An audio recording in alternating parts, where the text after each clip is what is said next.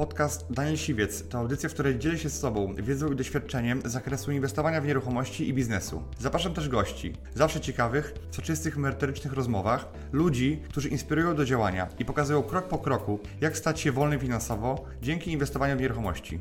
Posłuchaj ich historii, zastosuj modele działania, wykorzystuj narzędzia i uzyskuj podobne rezultaty.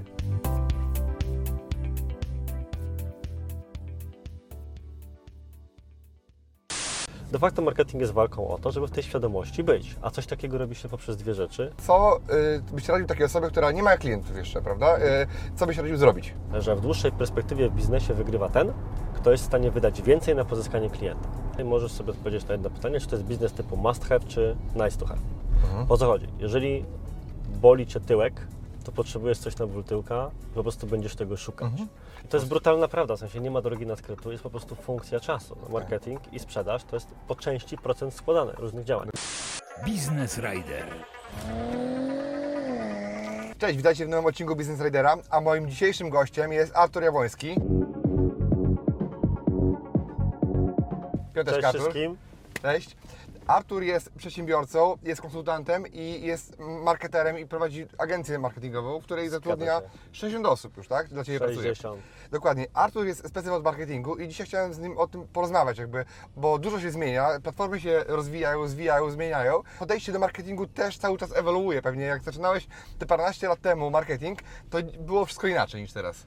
Jest to trochę tak, trochę nie, pod tym kątem, że narzędzia się zmieniają, ale pewne, i to oczywiście trzeba wszystkie na bieżąco cały czas opanowywać, aktualizować swoją wiedzę, patrzeć co się zmienia, ale to jest takie day by day operations. Natomiast jeżeli chodzi o pewne pryncypia w zakresie zrozumienia swojej grupy docelowej, e, opracowania strategii sprzedaży czy strategii dotarcia do klienta, to są rzeczy, które śmiem twierdzić, że nie tylko w ciągu ostatnich kilkunastu, nawet kilkudziesięciu lat są generalnie niezmienne, bo pewne problemy, z którymi wiesz, ja walczyłem właśnie jako początkujący konsultant te x lat temu, są tożsame z tymi, z którymi się na dzisiaj wśród naszych Jakie to, jakie to są problemy?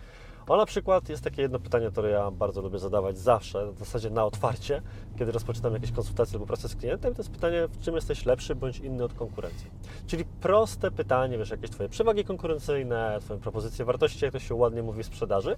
I to pytanie, czy metodyka nawet odpowiedzenia na nie jest niby prosta, ale niełatwa. I okazuje się, że większość ludzi to nie radzi sobie Mhm. I co firmy wtedy mówią, jak o to pytasz? Oj, jest taki katalog odpowiedzi, które padają zawsze, nie? czyli na przykład, no my się wyróżniamy wysoką jakością usług, albo my tutaj mamy doświadczenie wieloletnie na wielu rynkach i wtedy musisz zacząć drążyć i wyci- wyciągać to, co naprawdę jest tą przewagą, bo wiesz, że wysokiej jakości usługi w atrakcyjnej cenie, w kilkunastu lokalizacjach, dzięki wytężonej pracy zespołu, to można sobie napisać i mówić o sobie dowolna firma na planecie.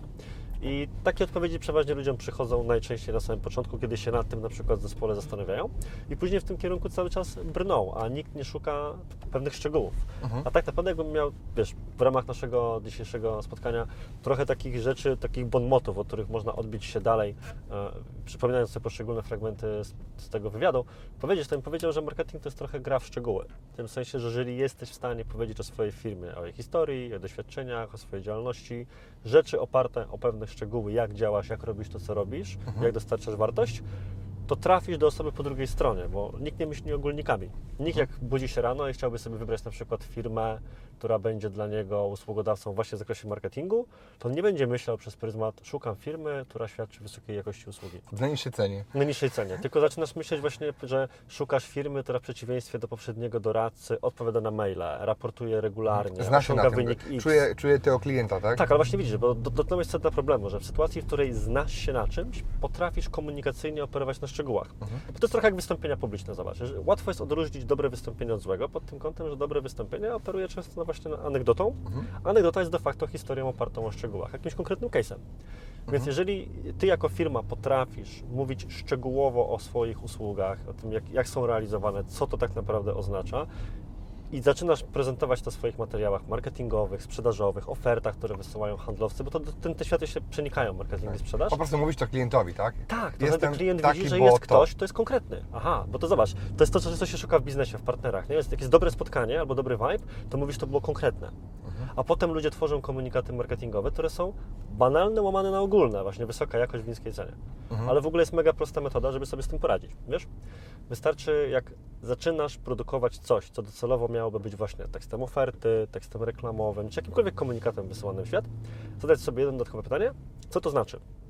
I teraz zobacz, wy- wyplułbyś z siebie e, wysokiej jakości inwestycje w nieruchomości Daniel Siwiec, nie? Tak, tak, tak. Najlepsze na świecie. Najlepsze, oczywiście. I teraz musisz sobie zadać pytanie, co to znaczy wysokiej jakości? I to już jest ciężkie pytanie, bo teraz to Cię musi sprowadzić do wniosku, co to jest wysokiej jakości dla Ciebie. Mhm. Jak Ty rozumiesz tę wysoką jakość, jak ją realizujesz i to już jest opowieść o szczegółach. Więc to polecam w ogóle wszystkim jako to- takie ćwiczenie w zespole. I to ty e, pomagasz to, na to pytanie odpowiedzieć, czy pos- pomaga- przygotujesz ankietę do, do klientów być może, albo zastanawiacie się łącznie Mhm. razem e, o co chodzi, tak? co ten klient przez to może rozumieć. To jest trochę zależne od skali oczekiwań i poziomu wyzwania, bo wiesz, jeżeli masz już dużą organizację, która działa właśnie na kilkunastu rynkach, set, setki pracowników, bardzo duża baza klientów, relacje bezpośrednie w dziale handlowym z klientami, to oczywiście najlepiej jest na takie pytanie odpowiedzieć poprzez klienta i z nimi pogadać. Natomiast na samym początku, albo w przypadku mniejszych czy startujących organizacji, na tym również kończąc, możesz na to spróbować zrobić po prostu w zespole. Ja się zawsze tak z pół żartem, pół serio mówię, że dla mnie marketing to jest po prostu sztuka empatii. Jak zrozumiesz osobę po drugiej stronie, którą jest Twój docelowy klient, to z całą resztą sobie poradzisz, bo cała reszta to jest tylko znalezienie kanałów dotarcia. Najważniejszy jest ten przekaz, który trzeba rzeźbić, a on wynika właśnie z empatii, czy potrafisz zrozumieć, jaka jest właściwie wartość dla klienta, czemu on wybiera Ciebie, a nie kogoś innego i tak dalej. To ja mówię bardzo często w nieruchomościach jest tak, że Mhm. Jeżeli tego klienta poznasz, dobrze dogłębnie go otworzysz, to jesteś w stanie, znaczy klienta, sprzedającego tak naprawdę, znaleźć problem, em, przez który zdecydował się na zbycie nieruchomości i Mhm. zaproponować mu rozwiązania, które dzięki czemu de facto e, Twoja oferta będzie bezkonkurencyjna i Twoja oferta będzie zawsze do przyjęcia, mimo tego, że cena będzie niższa niż proponował ktoś inny, bo na przykład jest opakowana o dodatkowe usługi, które są niezbędne przy decyzji e, sprzedaży na przykład. Dotknąłeś teraz dwóch fantastycznych rzeczy i właśnie podoba mi się już kierunek, w którym ta rozmowa idzie, bo on ładnie pokazuje, jak właśnie marketing i sprzedaż to są światy powiązane. Można, jest taka jedna z definicji marketingu, którą też lubię, że marketing to jest sprzedaż do wielu. I teraz zobacz, ty masz spotkanie jeden na jeden z potencjalnym zbywcą nieruchomości, zaczynasz testować na nim kilka komunikatów. Na pewno masz kilka takich swoich rzeczy, którymi próbujesz otworzyć, czy ten człowiek zareaguje na to, czy nie na to. Anglicy na to mówią ładnie angles, nie? taki punkt widzenia wejścia, wbicia klina.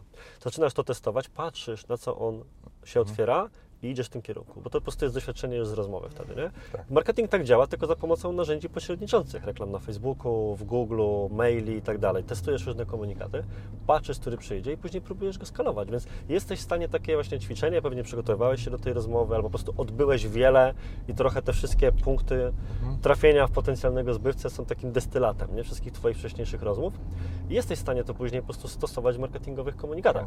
Problem polega po prostu na tym, że ludzie kiedy sprzedają, tak jak właśnie ty, czy rozmawiają jeden na jeden, zachowują się normalnie, bo jest ta osoba po drugiej stronie, tej reakcję widzisz, która jak mówisz za ogólnie albo za sprzedażowo, za dziwnie, to zaczyna na ciebie dziwnie patrzeć i wiesz, że Że zarządzałeś nie za tak, daleko. Bo masz feedback. A Mhm. tutaj, jeżeli mówimy o reklamie internetowej, to generalnie strzelasz. Poza tym papier, Excel i Word wszystko przyjmą. Wiesz, jeden taki testów, które polecam zawsze ludziom, jest wyobrażenie sobie, w ogóle pierwsza rzecz, przeczytanie swoich rzeczy na głos i z drugiej osobie i uwaga, jak ktoś się zaśmieje, to przegrałeś. I powiem Ci, że połowa firm sama ze sobą wtedy przegrywa, bo jeżeli weźmiesz taki napuszony tekst o firmie, typu właśnie oferujemy wysokiej jakości usługi w atrakcyjnej cenie i zaczynasz to ludziom mówić, to ktoś mimowolnie się uśmiechnie, bo to już brzmi patetycznie. Nikt tak nie mówi.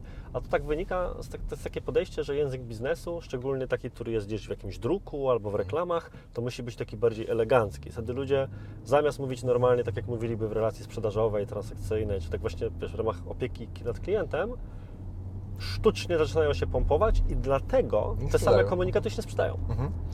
A czy to nie jest tak przypadkiem, że trochę jak w marketingu jest tak trochę jak w sprzedaży, że marketerzy bądź, fir, bądź właściciele firm czasem, którzy Mhm. sami ustawiają te, te rzeczy, e, nie słuchają tego klienta, tylko mówią, ja myślę, że to trzeba tak zrobić, taki komunikat, takie hasło i napierdzielam tym. E, natomiast nie ma feedbacku. Jedyny feedback to jest to brak sprzedaży. I to jest tak trochę jak mm, sprzedawca, który nie słucha klienta, który nie zadaje mu pytań, który tylko mówi, jaki to produkt jest genialny, jak, jak w tym teście Mhm. na sprzedaż długopisu, mówi, jaki ten jest piękny. I czy nie jest, to nie jest podobna analogia trochę, ten, ten świat się nie przenika. Te światy są bardzo ze sobą bliskie, dlatego ja się czasami śmieję, mi jest ciężko powiedzieć, czy ja się tak naprawdę zajmuję marketingiem, no bo jeżeli ja przygotowuję z firmą strategię komunikacji, to to jest strategia, która jest wykorzystywana albo oparta, tworzona wspólnie z zespołem handlowym. Bo wiesz, jest odwieczna walka działów marketingu działów sprzedaży w firmach, która wynika z faktu, że oba te działy się nie rozumieją, nie próbują się zrozumieć, a to z kolei wynika z faktu, że się nie komunikują. Możesz wejść do niemalże dowolnego działu marketingu w różnych organizacjach średnich, e, dużych i tak i zapytać ich, kiedy ostatni raz z żywym klientem rozmawiali.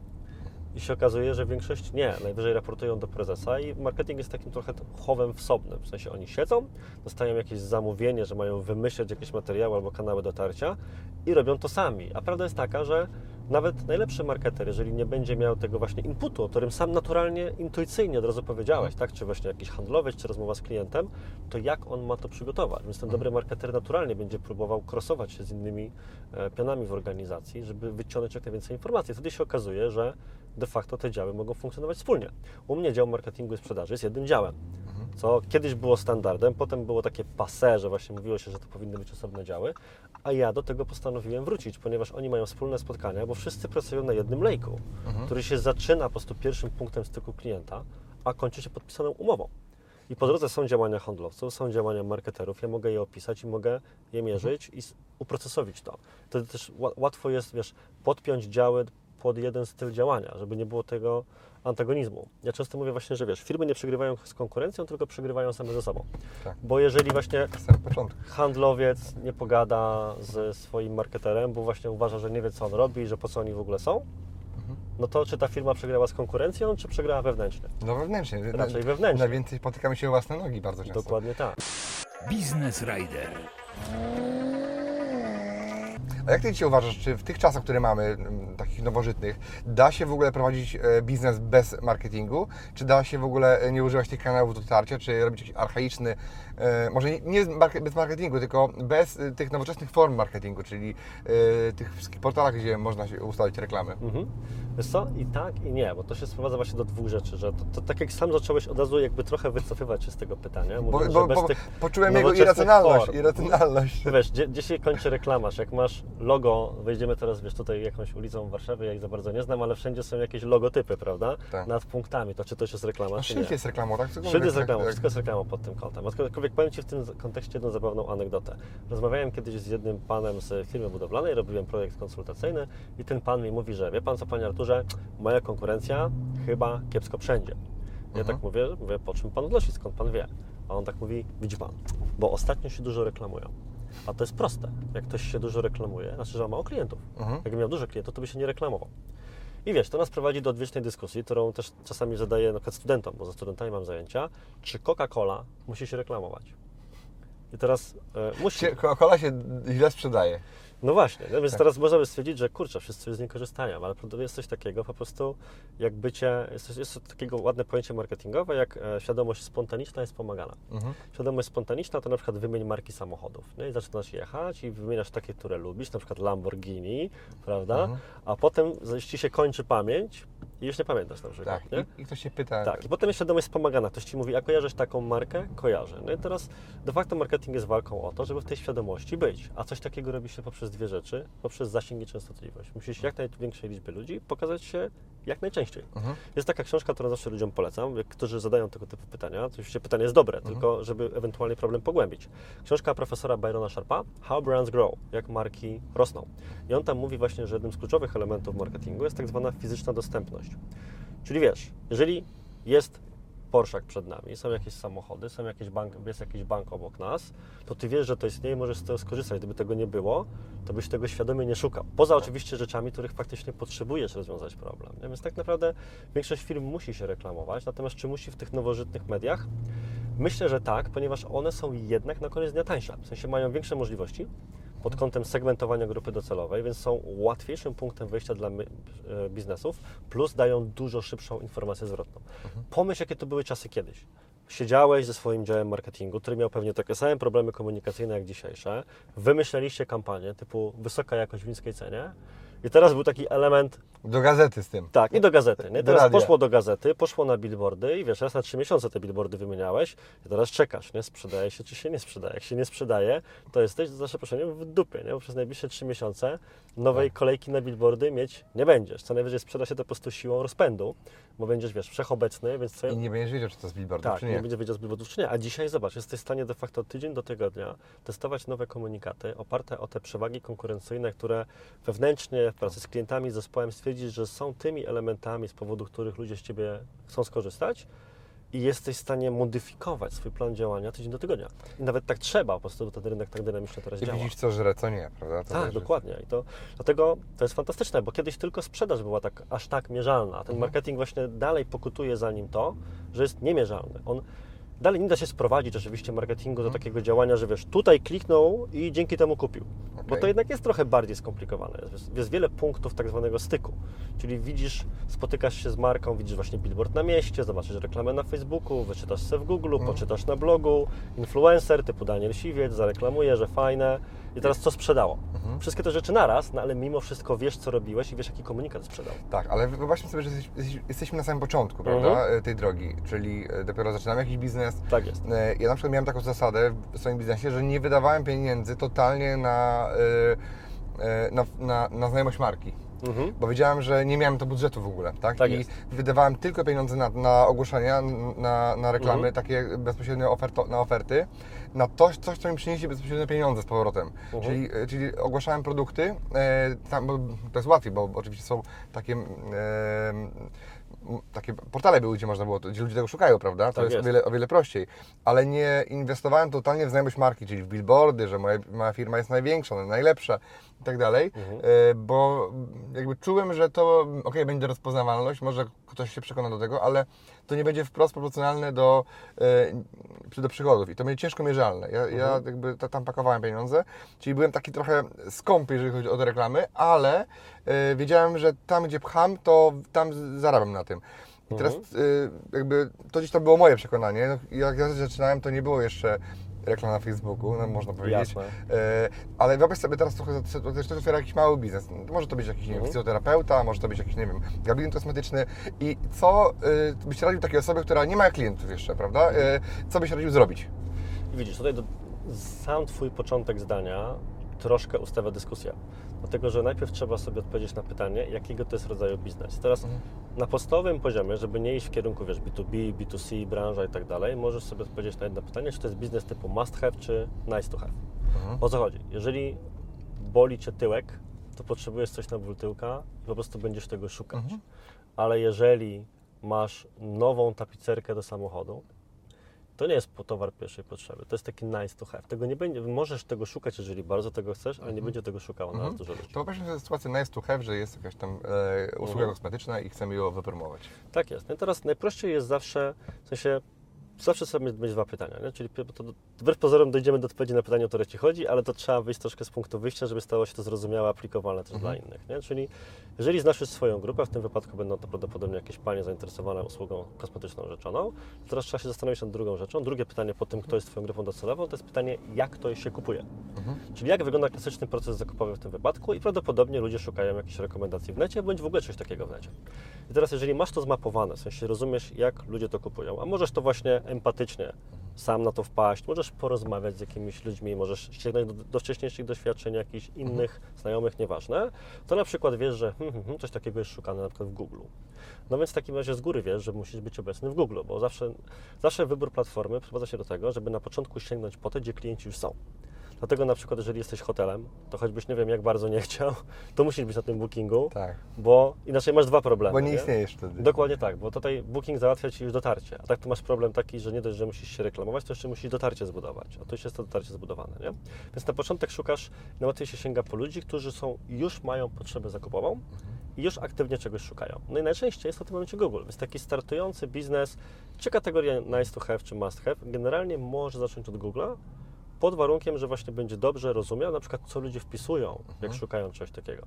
Bo z tym bywa różnie. Na przykład jeżeli jesteś firmą typu data center i wiesz, że jest coś takiego jak kolokacja serwerów, to możesz wiedzieć, że ktoś, to, to ktoś po drugiej stronie niekoniecznie musi wiedzieć, to się tak nazywa. Mhm. Jakieś miałem taką sytuację na przykład, że pracowałem z firmą, która sprzedawała coś takiego, co się nazywa lampa lawa. Kojarzysz co to? Nie. No właśnie, a ta lampa lawa to jest taka często widoczna w amerykańskich filmach lampa, w której takie gluty latają. A, okej, to Więc jak trzeba było ustawić reklamę tej firmie, to myśmy ustawili na hasło lampa z glutem w środku. I się okazało, że to było najlepiej konwertujące hasło reklamowe. W sensie ludzie nie wiedzieli, to się nazywa lampa lawa, bo jak masz wpaść na to, że to jest lawa? Lampa z glutem. no. Lampa z glutem, więc jak byłaś, miałeś reklamę na lampa z glutem, bo sam wcześniej dokładnie w ten sposób kupiłem coś takiego i wiedziałem, że problem jest taki, że możesz nie wiedzieć, jak to nazwać. No ale generalnie na początku inwestuje się w kanał tego typu. No i drugi element to jest gdzie ta grupa jest. Bo oczywiście, no wiesz, są dwa kanały, które mają największe pokrycie w internecie. De facto wspólnie 99% internautów. I to jest ten lubiany bądź nielubiany Facebook i Google. Więc jak chcesz od czegoś zacząć tak bezrefleksyjnie i się nie zastanawiać, to to jest dla Ciebie idealne rozwiązanie. Natomiast oczywiście będą grupy docelowe, które się zbierają gdzieś indziej, bo na przykład jakieś grupy mocno technologiczne będą bardziej obecne na, nie wiem, serwisach typu Stack Overflow albo gdzieś, czy na przykład na rynkach zagranicznych dużo ludzi będzie szukało nie tyle nawet w Google, wiesz, właśnie tego data center albo software house'u, ale po serwisach, które zbierają recenzje tego typu, jak Clutch. E, U nas w Polsce się o tym mało mówi. Jest taki serwis Clutch, który zbiera wiarygodne recenzje firm. Więc na przykład ten serwis dzwoni do klientów, którzy udzielili rekomendacji danej firmie, żeby zweryfikować, że to prawdziwi klienci. Nie, to nie jest jak w Google, że Nie, nie możesz sobie od tak wpisać. Na przykład okazuje się, że właśnie na klaczu wiele firm szuka software house'ów. Jeżeli będziesz wysoko na klaczu, jest to kolejny serwis taki z recenzjami jakby, to ten biznes tam do Ciebie przyjdzie. Więc tym drugim pytaniem, które sobie musisz zadać jest właśnie, gdzie Ci klienci już są, żebym tam mógł się im pokazać. Najgorzej na początku starać się od, postawić wyłącznie na tak zwane media własne. Bo jeżeli myślisz, że postawisz stronę internetową i ludzie czasami znajdą, no to nie, bo właśnie nie masz tego zasięgu. Więc na początku szukasz tych mediów, które już ten zasięg grupy docelowej mają. Więc to była długa odpowiedź, a krótka Google i Facebook. Okej, okej. Ale no, to mi, mi zadowala mnie, bo pokazuje dlaczego. Biznes Rider. W przypadku dewelopera, Mhm. małego dewelopera, co byś mu sugerował na przykład? Ja miałem okazję pracować z kilkoma deweloperami na różnych rynkach, tutaj w Warszawie i też jednym z największym w zasadzie deweloperem na Kujawsko Pomorskie i jeszcze kilka innych rynków. I generalnie są dwa kanały, które te ci ludzie wykorzystują i to są po prostu Google i Facebook przede wszystkim. I to nie ma wielkiej filozofii, bo widzisz, bo to jest to, co powiedzieliśmy sobie na początku, że marketing to sztuka empatii pod tym kątem, że czasami mówię coś takiego, żeby znów taką jedną, jedną myślą to streścić, że nie ma kanału marketingowego, o którym Ci nikt nie powiedział. Więc to nie jest tak, że istnieje jakiś drugi Google, którego nazwę znam tylko ja i to jest na przykład Giggle i tam są sami ludzie, którzy kupują nieruchomości, a mam często takie wrażenie, że ludzie w ten sposób wierzą, wiesz, że jest takie właśnie jakieś jedno miejsce, o którym konkurencja jeszcze nie wie. A jest to pewne to powiedzenie, które znasz, że firmy, które odnoszą sukces, robią to samo, co inni, tylko lepiej. Ja bym powiedział, że robią to samo co inni, tylko z konsekwencją, bo większość ma słomiane zapału i odpuszcza. Więc tak naprawdę jest to kwestia, żeby być w tych dwóch kanałach odpowiednio dużą proporcją. Ale grunt, żeby to nie był jeden. Bo bardzo często jest tak, że firma na przykład typu deweloper, bo z takimi deweloperami miałem często okazję rozmawiać, powiem uczciwie, proporcje leadów, zapytań o mieszkania i później wiesz, spotkań i konwersji z tych spotkań Google do Facebooka są uśredniając 3 czwarte na korzyść Google'a do 1 czwartej z Facebooka. I jeszcze te lidy z Facebooka mogą być droższe. I łatwo jest wpaść w taki styl myślenia, że ktoś później powie, hmm, hmm, hmm, Panie Arturze, to może my tutaj przykręcimy ten kurek facebookowy, bo Pan tutaj wydaje też parę tysięcy miesięcznie na ten kanał, skoro z tego Google są lepsze lidy. Natomiast to nie, tak nie działa, ponieważ na przykład bez tych reklam na Facebooku nie byłoby tych lidów z Google. Miałem kiedyś okazję rozmawiać z człowiekiem, który wprowadzał do Polski Revoluta. Nie wiem, czy kojarzysz. No pewnie kojarzysz No, kojarzę, aplikację i myślę, że kojarzę. Twoje odbiorcy też kojarzą, prawda? Bardzo I nawet. on opowiadał o takiej pięknej sytuacji, w której oni właśnie na początku puszczali reklamy na YouTubie. A reklamy na YouTubie, jak ktoś kiedyś miał doświadczenie, to wiesz, że konwertują raczej słabo. W sensie one są mało klikalne, tak? I więc, no wiesz, takie typowo logiczne myślenie przez pryzmat potencjalnych oszczędności, to wyłączmy te reklamy na YouTubie. Więc wyłączono. I co się stało? Reklamy w każdym innym kanale wzrosły cenowo, były coraz droższe. Dlaczego? Bo mimo, że nikt nie klikał, w sensie w domyśle, w cudzysłowie, prawie nikt nie klikał tych reklam na YouTubie, to jednak ludzie się osłuchiwali z nazwą. Wiedzieli już, co to jest, więc później jak łatwiej wyłapywali to na Facebooku bądź w Google, kiedy była już reklama typu zainstaluj pan aplikację. I to jest też takie ryzyko z potencjału dewelopera, że deweloperzy często próbują, że dobra, to tutaj oto dom na przykład, czy jakiś inny serwis Rynek i pierwotny. Google, rynek pierwotny, dokładnie i koniec. Jasne, ale potrzebujesz też jeszcze tego innego kanału dotarcia. Poza tym zawsze jest też ta druga kwestia, że kto jest na jakim etapie procesu zakupowego. Czyli Google to jest, to jest przekonywanie przekonanych. Ja się zawsze śmieję, że w Google nie ma reklam.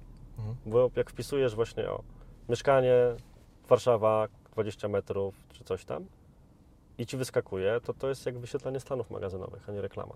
Natomiast trochę bardziej wysublimowaną formą reklamy są te inne kanały, właśnie, zwłaszcza social mediowe, bo one są na troszkę innym etapie lejka zakupowego. Mogą być takimi, trafiać od razu do osób, które chcą coś kupić, ale mogą też pobudzać myślenie, jak w tym memie, wiesz, z kotem, i- tak. I should buy a boat, nie?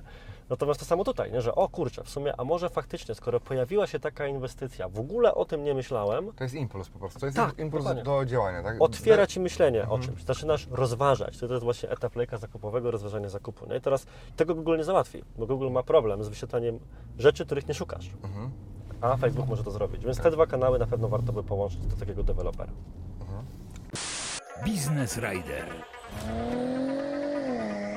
A powiedz mi, Artur, co jest dzisiaj takim marketingowym must have'em, który trzeba mieć po prostu, żeby nie ma firmy, która nie powie, y, praktycznie no, musi to mieć, tak?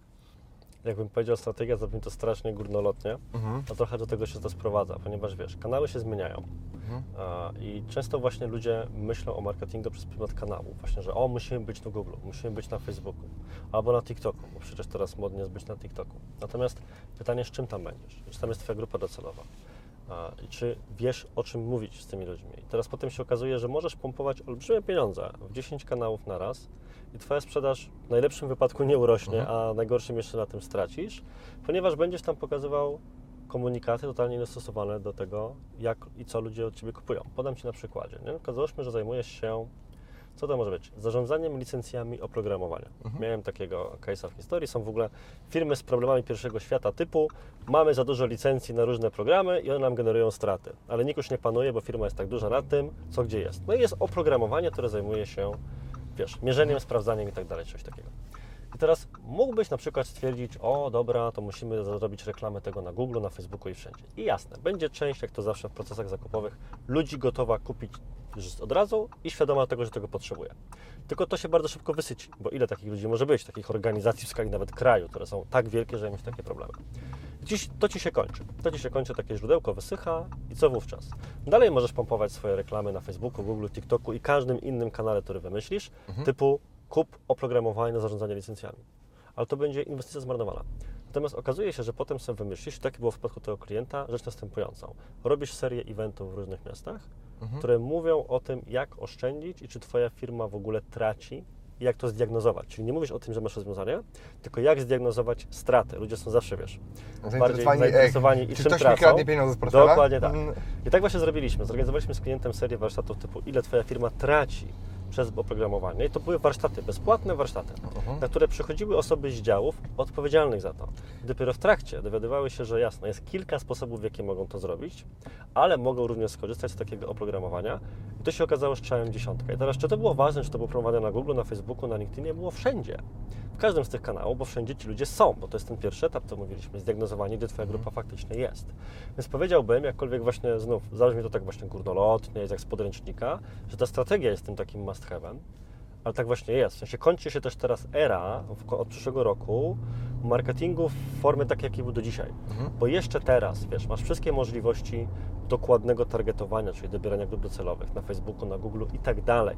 Natomiast wszystkie zmiany w zakresie prywatności, wynikające z RODO, wynikające z innych dyrektyw na poziomie europejskim, nam to zabierają. Więc do tej pory było trochę tak, że firmy, które e, miały braki na poziomie strategii sprzedaży, lejka marketingowego i tak dalej, nadrabiały masą, że tak powiem, Tak, kasą, tak, tak, jeżeli ją mają, bo kasą zawsze jesteś w stanie tego typu błędy Załatwić. załatwić, albo nadrabiały to po prostu dokładnością, precyzją targetowania. Czyli tak długo tym ludziom się pokazywałeś, aż w końcu dawali temu szansę. Ale teraz ta precyzja odejdzie, a kasy niekoniecznie wielką masz. Nagle się okazuje, że bez tej właściwej komunikacji rezonującej z odbiorcą, czyli właśnie na poziomie strategicznym, Twoje komunikaty rozejdą się po prostu po kościach i nikt z tego nie skorzysta. Ja pamiętam e, w 2015 roku ktoś mnie namówił, żebym zrobił pierwsze warsztaty z nieruchomości. Ja miałem wiedzę praktycznie taką samą, na takim samym poziomie albo podobnym, jaki mam teraz. Czyli jak miałem te same rezultaty, sukcesy, zarabiałem e, bardzo dużo i e, kupiły te warsztaty e, te osoby, e, zapisały się na nie tylko i wyłącznie, które mnie znały, które wiedziały, e, znały moją historię, jakby znały, wiedziały co ja osiągnąłem. E, A gdy wynająłem agencję, która zajmowała się jakby zajęciem tym wszystkim, co ty, prawda, albo e, znaleźli, dotarciem do klienta, sprzedaniem tego, to jedna osoba kupiła z takiej reklamy, gdzie reklama była dużo, dużo wiele więcej warta, te koszty reklamy, niż e, samo, s- samą wartość e, tego tikietu. Bo Pierwsza kwestia to, że na pewnym poziomie marketing jest budowaniem wiarygodności, tak? I bardzo często właśnie tego typu biznesy, mimo że mają wspaniałe wyniki albo wspaniałe właśnie przewagi konkurencyjne, tego nie komunikują. Bo jak zaczynasz z ludźmi pracować nad tym, jak oni pewne rzeczy robią, to okazuje się, że oni to robią inaczej niż konkurencja, albo lepiej. A tych, a tych różnic nie widać za bardzo, A tych tak? różnic nie widać. A widzi je tylko sprawdzone oko kogoś, kto po prostu potrafi to odczytać. Wiesz, bo jeżeli jesteś w procesie wyboru na przykład właśnie, albo szukasz właśnie o, szkolenia z inwestowania w nieruchomości, więc e, naiwnym byłoby wierzyć, że ktoś zobaczy tylko cie- Ciebie, stwierdzi, to jest to, czego potrzebuję, wchodzę i kupuję. Człowiek porównuje, więc jak szuka, to bez obrazy, ale na pewnym poziomie wszyscy tego typu eksperci w każdej branży wyglądają podobnie. Tak jak każdy dostawca oprogramowania. Wiesz, jeżeli jesteś laikiem i nie będziesz się zagłębiał i szukasz oprogramowania do automatyzacji marketingu, i patrzysz, że ten program coś takiego ma, ten ma coś takiego. I wszystkie mają to samo, mniej więcej. Nie? I nie widać tych przewag na pierwszy rzut oka. I tak samo jest sobie pan, który ma często na zdjęciu piramidkę, jak to eksperci w internecie, zaprasza, że cię nauczy zrobić, robić flipy i coś i teraz czy ten człowiek jest dobry, czy on mnie nauczy. I nagle się pojawia, że musisz po pierwsze zrozumieć dwie rzeczy. Po pierwsze, jakie są kryteria decyzyjne tej osoby. Czy to jest cena, bo niektórzy po prostu stwierdzą, za drogo, nie przyjdę na, na warsztaty w takiej cenie. Niektóry będzie na przykład kierował się doświadczeniem prelegenta, czy go zna, czy go nie zna, że o, a ile ten człowiek flipów zrobił? 5 czy 50 i to jest dla niego ważne. Czy zero. A, tak, ale trzeci na przykład będzie patrzył już na takie czynniki nie bezpośrednio związane z ofertą, na przykład jak ten człowiek tłumaczy. I tu na przykład może być pies pogrzebany, właśnie na poziomie strategicznym, bo też będzie puszczał reklamy, same banery, gdzie jest Twoje zdjęcie i wyglądasz przystojnie, ale na przykład nie widać jak mówisz. I teraz jeżeli ja sam nie wykonam pracy, bo mogę być oczywiście zmotywowany, bo potrzebuję tego, mam, to jest problem, który chcę rozwiązać i mogę szukać, to zobaczmy tego pana Siwca, jak on tłumaczy, ale inny stwierdzi, dobra, ja nie będę szukał, bo to nie jest dla niego aż tak ważne. A tymczasem okazałoby się właśnie, że masz reklamę, która pokazuje jakiś fragment Twojej wiedzy. Taki to buduje Twoje credibility i pokazuje, że aha, to mówisz zrozumiałym językiem, z którego ja coś wyniosę. I to jest ważny element na przykład. Natomiast tak, takich rzeczy często się nie bierze pod uwagę, bo firmy po prostu puszczają reklamy typu kup pan cegłę Tak. i koniec. I później nic z tego nie wynika. No.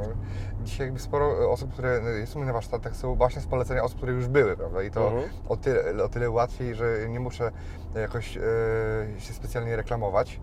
E, I o, tyle, o, tyle, o tyle prosi, jeżeli ktoś chce się nauczyć, to, to po prostu e, są osoby, które były u mnie, jest wiele osób, które były, można się to sobie znaleźć, zapytać Mhm. się, czy jest, czy jest dobrze, czy... No tak, no ale to właśnie jednym z elementów, zawsze ludziom mówię tak, że są, jest kilka a, takich budowaczy wiarygodności. Pierwszym są po prostu opinie. Tak. opinie, referencje i tak dalej.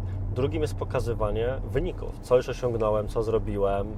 Bo wiesz, jest w internecie masa treści typu jak zrobić X, jak zrobić flip.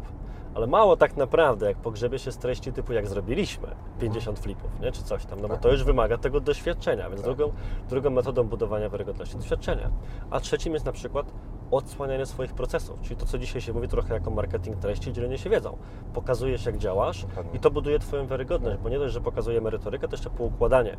A ludzie szukają nie tylko rozwiązania problemu, ale rozwiązania problemu w sposób powtarzalny.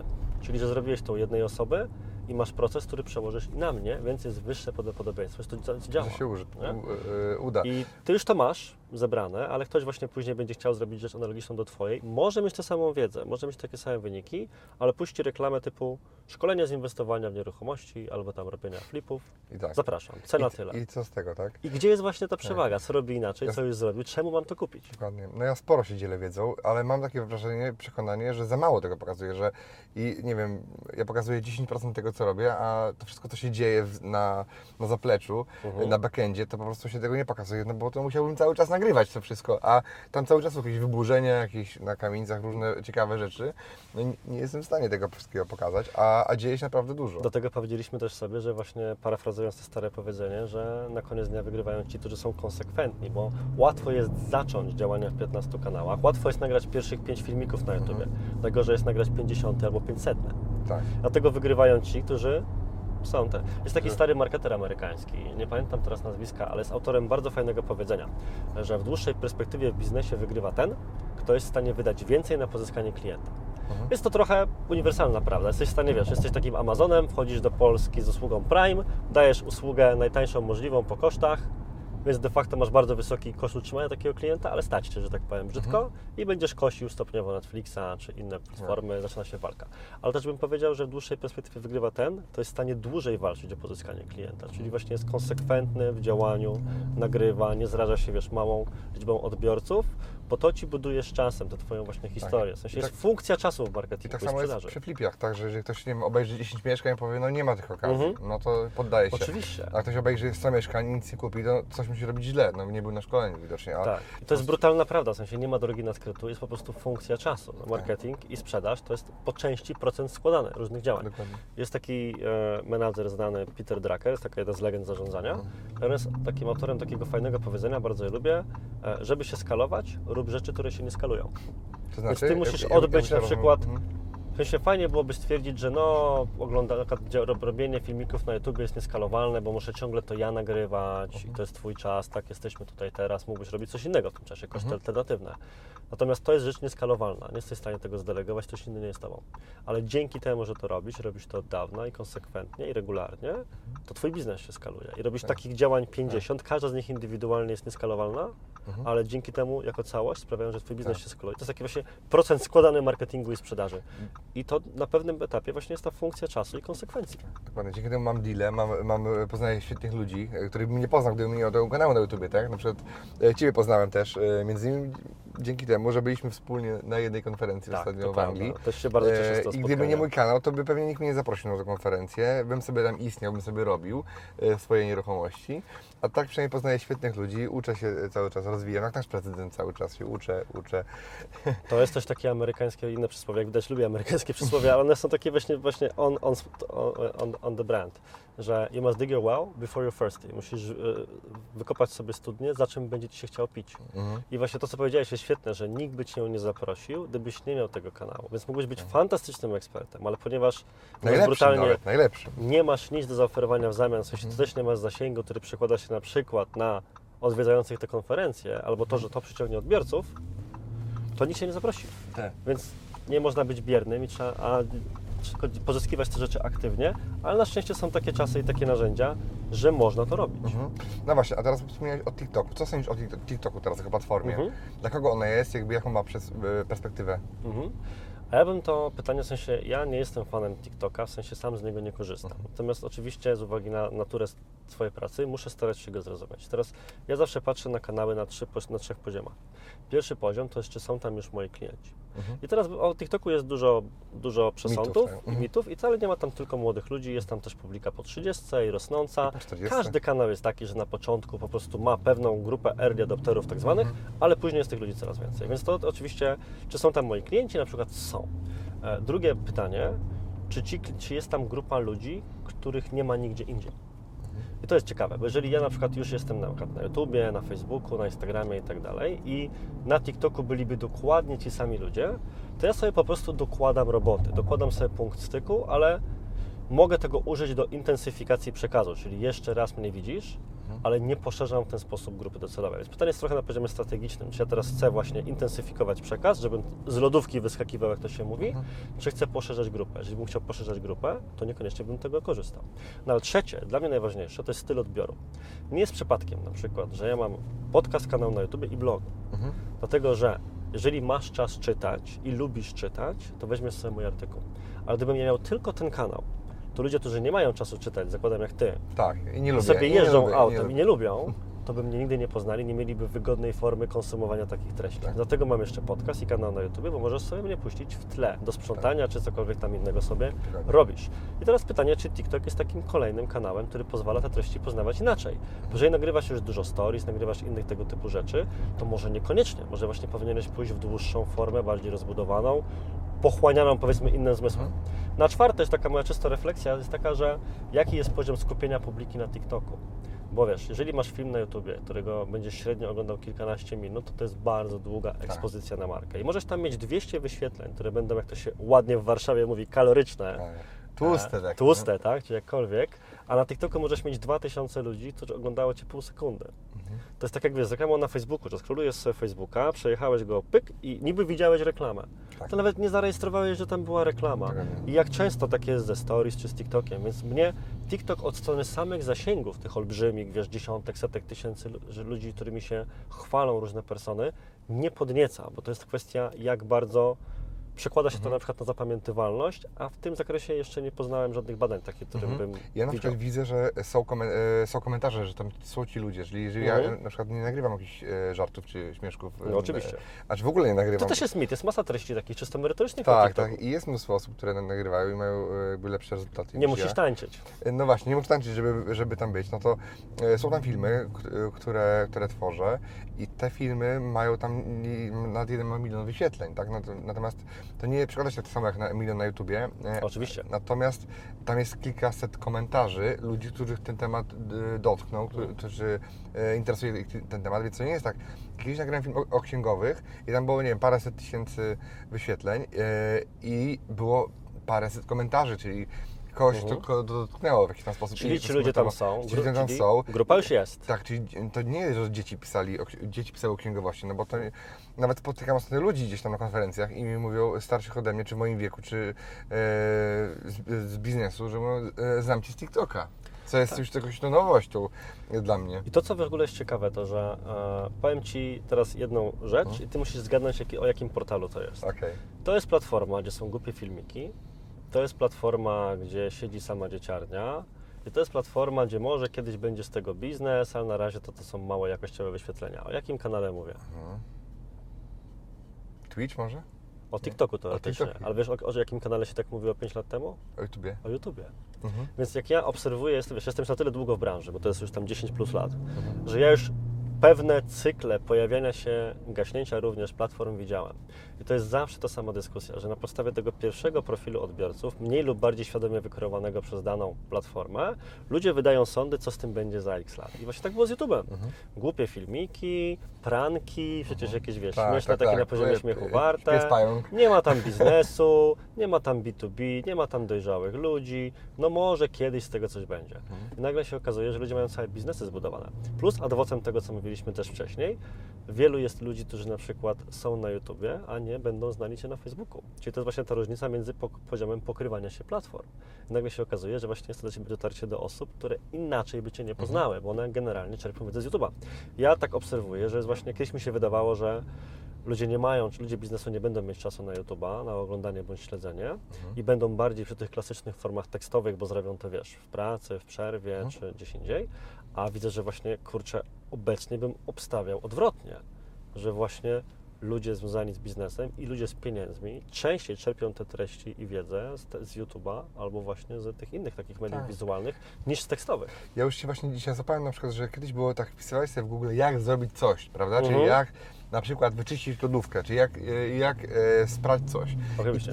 I, I dzisiaj e, na przykład ja już nie szukam, mm, albo coś tam jak w komputerze zrobić, tak jak odinstalować coś, zainstalować coś. Mhm. To ja już dzisiaj nie szukam tego w wersji tekstowej, tylko szukam wersji wideo, bo jest szybciej, łatwiej i lepiej się przyswajam. No wideo ma jedną wadę. Po prostu ciężko jest wyszukać konkretny fragment i do niego wrócić. Trzeba się namęczyć, żeby sobie to w ten sposób Tak, móc tak. zrobić. Natomiast okazuje się, że jednak te wszystkie takie czynniki, nazwijmy je pozamerytoryczne, czyli Twój ton głosu, jakość produkcyjna. Bo zobacz, Twoja jakość produkcyjna, to, że my tu jedziemy, nie wiem na ile mogę mówić od kuchni, ale ja tutaj cztery kamery widzę, prawda, i pięć mikrofonów.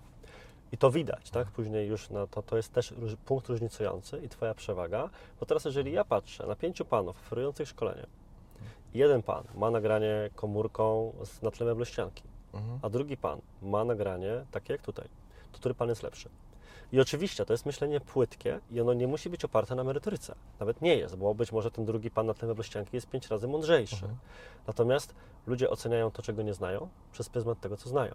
Jeżeli wchodzisz na stronę internetową i nie ma tam aktualności od pięciu lat i wygląda staro, to czy ta firma dalej działa, jaka jest jej jakość? Dokładnie. Albo- Absolutnie nie będzie to miało wpływu, wiesz, w przypadku większości firm produkcyjnych czy jakichś, bo wiemy, jak to wygląda w, tej, w tym segmencie, ale ktoś, kto szuka czegoś z zewnątrz i nie będzie chciał, bo nie ma aż tak palącego problemu, się przez to przebijać, żeby sprawdzić, stwierdzi, nie no, to musi być słabe. To jest ten stary efekt e, takiego dowodu społecznego, tak? Jesteś przed dwiema restauracjami, w jednej pełno ludzi, w drugiej pusto. Gdzie Tak. jest smaczniejsze jedzenie? Tam, Tak. gdzie jest pełno ludzi. No dokładnie. Albo yy, na jakimś zajeździe, jak nie ma samochodów, to też jest Więc wiesz, dużo ludzi dzisiaj mówi, że warto tworzyć treści i, i tak w zasadzie tym, co masz, tak, rób komórką i tak dalej. I jasne, do pewnego poziomu to jest dobre, ale dobrze jest też móc się legitymować swoją, czy legitymizować swoją jakością produkcyjną, bo to odróżnia Pewnie. już pewien poziom od razu. Masz, masz rację, natomiast też y, lepiej robić komórką niż, niż, Niż wcale. niż, No, niż że tak. wcale, bo jest wiele osób, które się napina, bierze ekipy, ja też tak kiedyś robiłem i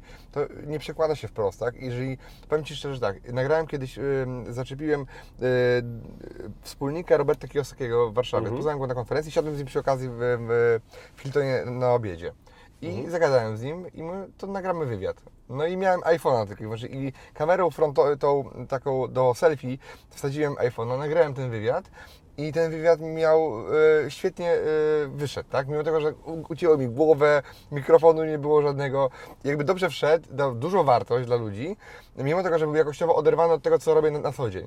E, I Mhm. dostarczył wartość, jakby nie pokazywał jakby tego, ale zgodzę się z Tobą w pewnej kwestii, że to jak wyglądamy, jak robimy, świadczy o jakości ogólnie tego, co robimy, tak? Czyli jak robisz Mhm. cokolwiek, jak robisz wszystko, e, ale z drugiej strony, kurczę, nie można się... Lepiej robić niż nie. Tak. Natomiast jest troszkę też inna kwestia, którą de facto powiedziałeś, czyli że tylko ty miałeś ten wywiad.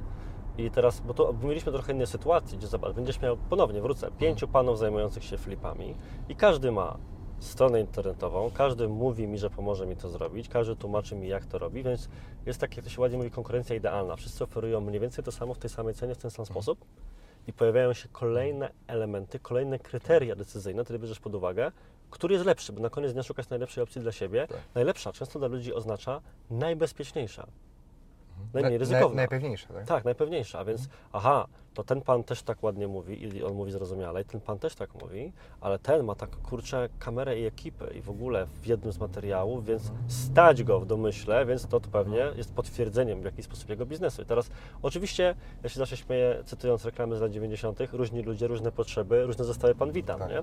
Więc część osób, część osób w ogóle na to nie będzie zwracała uwagi, no ale jeżeli Twoja grupa docelowa może tak robić, albo część tej grupy może tak robić, to warto to również przetestować czy wziąć pod uwagę. Artur, już na, na sam koniec na, naszej rozmowy, jakbyś miał dać jedną radę osobie, która dopiero zaczyna biznes, ale załóżmy jest zielona marketingowo, Mhm. sprzedażowo, chce yy, rozpocząć swój własny biznes, ma jakiś produkt, ma jakiś pomysł na usługę, to jaka by to by była rada?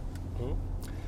No to żeby zaczęła, Mhm. cofnąłbym się do jednej rzeczy, którą już powiedziałem, czyli w ogóle tak będzie taka klamra w zasadzie nawiązująca do samego początku naszej dyskusji, czyli żeby opanować marketing, powinna zacząć od procesów sprzedażowych, bo potem jest to w stanie wyskalować. Więc tak naprawdę na uproszczonym poziomie najważniejsze jest zrozumienie, jak klient kupuje i jak wyglądają poszczególne etapy lejka zakupowego, ponieważ wtedy wiesz, jakie pytania zadaje sobie klient na różnym etapie.